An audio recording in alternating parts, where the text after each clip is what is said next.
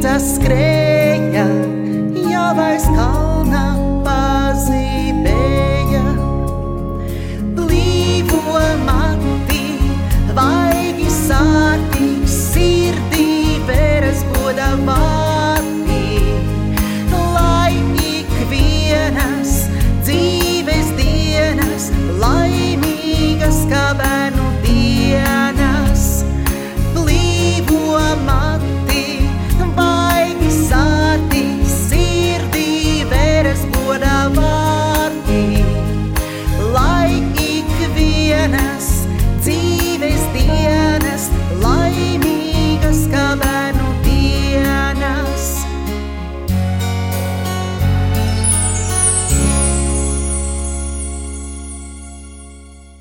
Labvakar, bērns!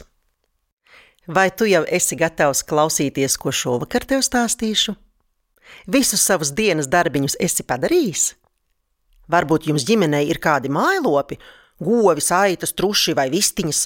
Tev droši vien arī ir uzticēts kādu no tiem aprūpēt, ēdināt, vest ganos, uzmanīt, lai neaizklīst prom no mājām. Redzi, tieši ar rūpēm jau aizsākas mīlestība. Māmiņa un tētis un citi tuvinieki vai cilvēki, pie kuriem tu dzīvo, mīl tevi un rūpējas par tevi, lai esi vesels, paēdis, siltumā un drošībā. Un mīlestību jau cilvēks mācās no bērnības. Par viņu rūpējas, un viņš par kādu rūpējas. Iesākumā par savu lēli, rotaļlietām, mācību grāmatām un citām lietām. Kad bērni paaugas, viņiem gribas rūpēties par kādu dzīvnieciņu. Tu jau pats to labi zini. Reiz kādai meitenei bija gan sunītis, gan kaķītis, ko mīlēt un par ko rūpēties. Pūdelis, pufiks un runčuks tālis, jo bija atvests no tālienes. Meitene par viņiem rūpējās, un vai var iedomāties, sunītis un kaķītis arī viens par otru rūpējās un bija nešķirami. Kad meitene gāja pretī savai mātei, kad tā nāca mājās no darba, pufiks un tālis gāja līdzi cieši piespiedušies viens otram, sāns pie sāna. Pufiks bija atradens, balts, neliela auguma cirka pūdelis. Viņu bieži vajadzēja mazgāt, ķemmēt un ar šķērēm izgriezt savēlušos neizķemmējamos pinkuļus. Bet galvenais stāsts šovakar ir par kādu citu dzīvnieku. Bija tā, ka meitene jau no pašas mazotnes bieži un smagi slimoja. Bet, kad paaugās, lieta kļuva pavisam nopietna, var teikt, pat bīstama ne tikai meitenes veselībai, bet arī dzīvībai. Un kāds gudrs ārsts ieteica viņas vecākiem iegādāties kazu, jo kazas piens esot ļoti veselīgs un darot brīnumus. Ko gan visu nedarīs savu bērnu labā? Un vēl jau vairāk, ja apstākļi kazas turēšanai ir piemēroti.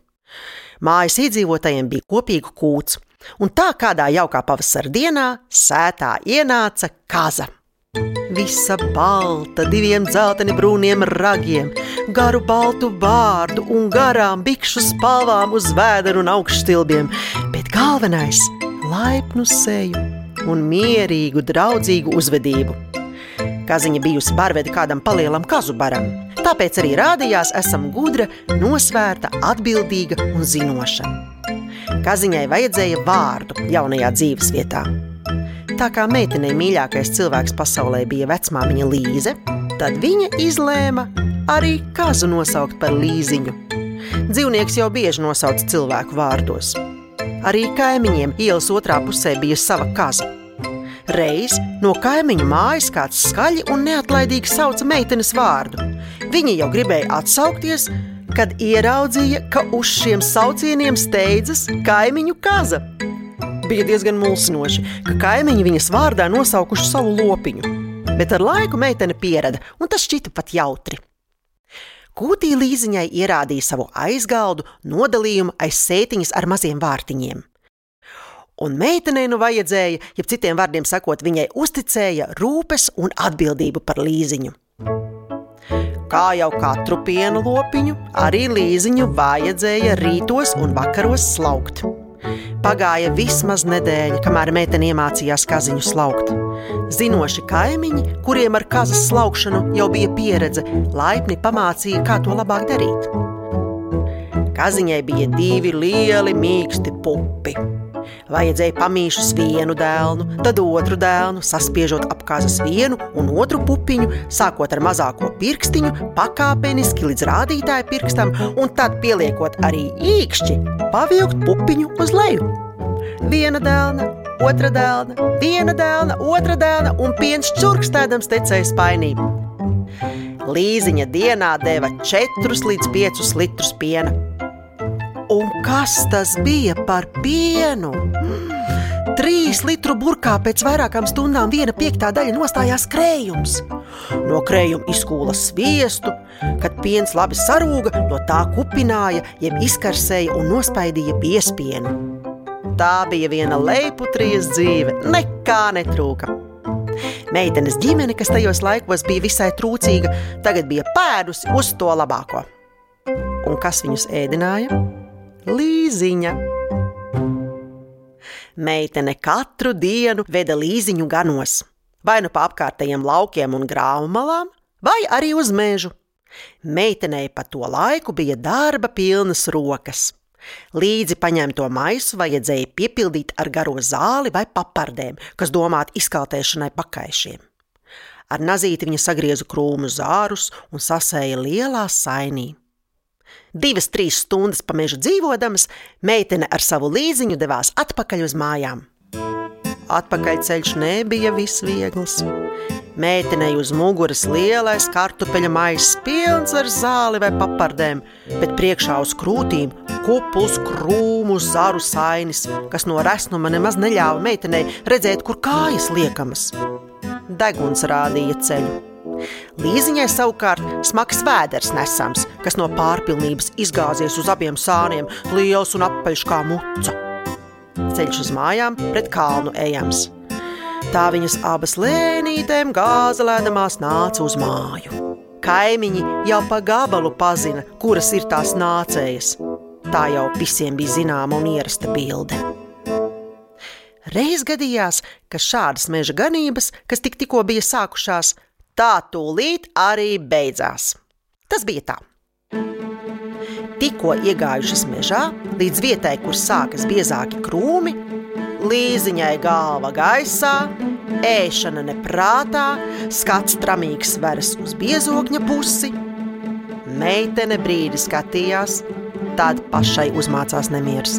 Sirds sāka daudzīties tā, ka pat ar ausīm varēja sadzirdēt un prātā attausa kādu pieaugušo nostāstu par to, ka kazas labi sajūtot kāda zvēra tuvošanos. Meitene daudz nedomādama, lika kājām ziņu skriešus mesties no meža ārā. Līziņa, protams, nemirkli nekavējās viņai sekot. Abas smagi elsodamas brīdi pļaviņā atguvās, raidot ramīgus skatienus atpakaļ uz meža pusi, un vairs nebija ne drosmes turp atgriezties. Kopš tā laika ģimenē nosprieda, ka nav labi bērnu vienu laist uz mežu. Izlēma, ka meitene dosies ganībās kopā ar savu vecmāmiņu. Arī viņai bija kaziņa ganos vedama. Norunāja laiku, kad meitene un vecmāmiņa izies no mājām ar savām kaziņām, un tad katra pa savu dzelzceļa malas taku devās meža virzienā, un visas četras satikās mežmalā. Kamēr kazas ēda, Meitene ar vecmāmiņu gan zārus, papardes un zāli grieza, gan avenes un mēlenes, gan sēnes salasīja. Kopā ar pieaugušu cilvēku bija droši un mierīgi. Ausis varēja brīvi klausīties meža klusumā un skaņās, acis vērot visu, kas apkārt notiek. Daba ienāca meitenes pasaulē kā viena liela gleznaina mācību grāmata. Tās bija jaukas un vērtīgas dienas. Ar laiku meitene ar savu kaziņu kļuva vislabākās draudzenes. Nevarēja pat pateikt, kura kuru gana. Nekādu saiti nevajadzēja. Kur vien meitene gāja, tur arī līziņa tūlīt sekoja. Meitenei ar vien vairāk rūpēja sava kaziņa. Laiku pa laikam gadījās, ka līziņas baltās bikses kūtī sagulējās neglīti netīras. Tad tas vajadzēja izmazgāt. Tad nu meitene ielēja siltu ūdeni bļodā, ņēma ziepes un suku, izveda līziņu pagalmā, mazgāties. Līziņa arī ļāvās gan mazgāt, gan pēc tam ķemmēt, žāvēt un pat apgriezt bārdu un sapinkātās bikšu stērbeles. Ziemā, kad visas dienas kaziņa atradās kūtī, meitene ar vienu centās sagādāt draudzenei kādu kārumu. No pagalmā sakrauto priežu baļķiem ar nazi viņa atšķēla priežu mizu šķēlītes, un tās nesa līziņai. Tā savukārt ēda kāru muti, Pa laikam abas mielojās ar žāvētām reņģēm un salakām. Tās jau no abām bija īpašs kārums. Bet agrā pavasarī meitene arvien biežāk steidzās uz saules piesildīto meža malas pļaviņu. Kad tur beidzot izdīga pirmie vīgriežu un pureņu asni, tie tad visi nonāca līziņas vēderā un arī pienā. Un piens vienmēr pieņēma to garšu un krāsu, ko kaziņa ēdusi. Ak, šis dzeltenais pureņu piens! Nemanot, pagāja vairāki gadi, neviens pat neatcerējās, ka meitenei vāja veselība. Kā var atcerēties, ja domas par to pat prātā nevar ienākt? Jo meitenes vaigi bija kļuvuši sārti un apaļi.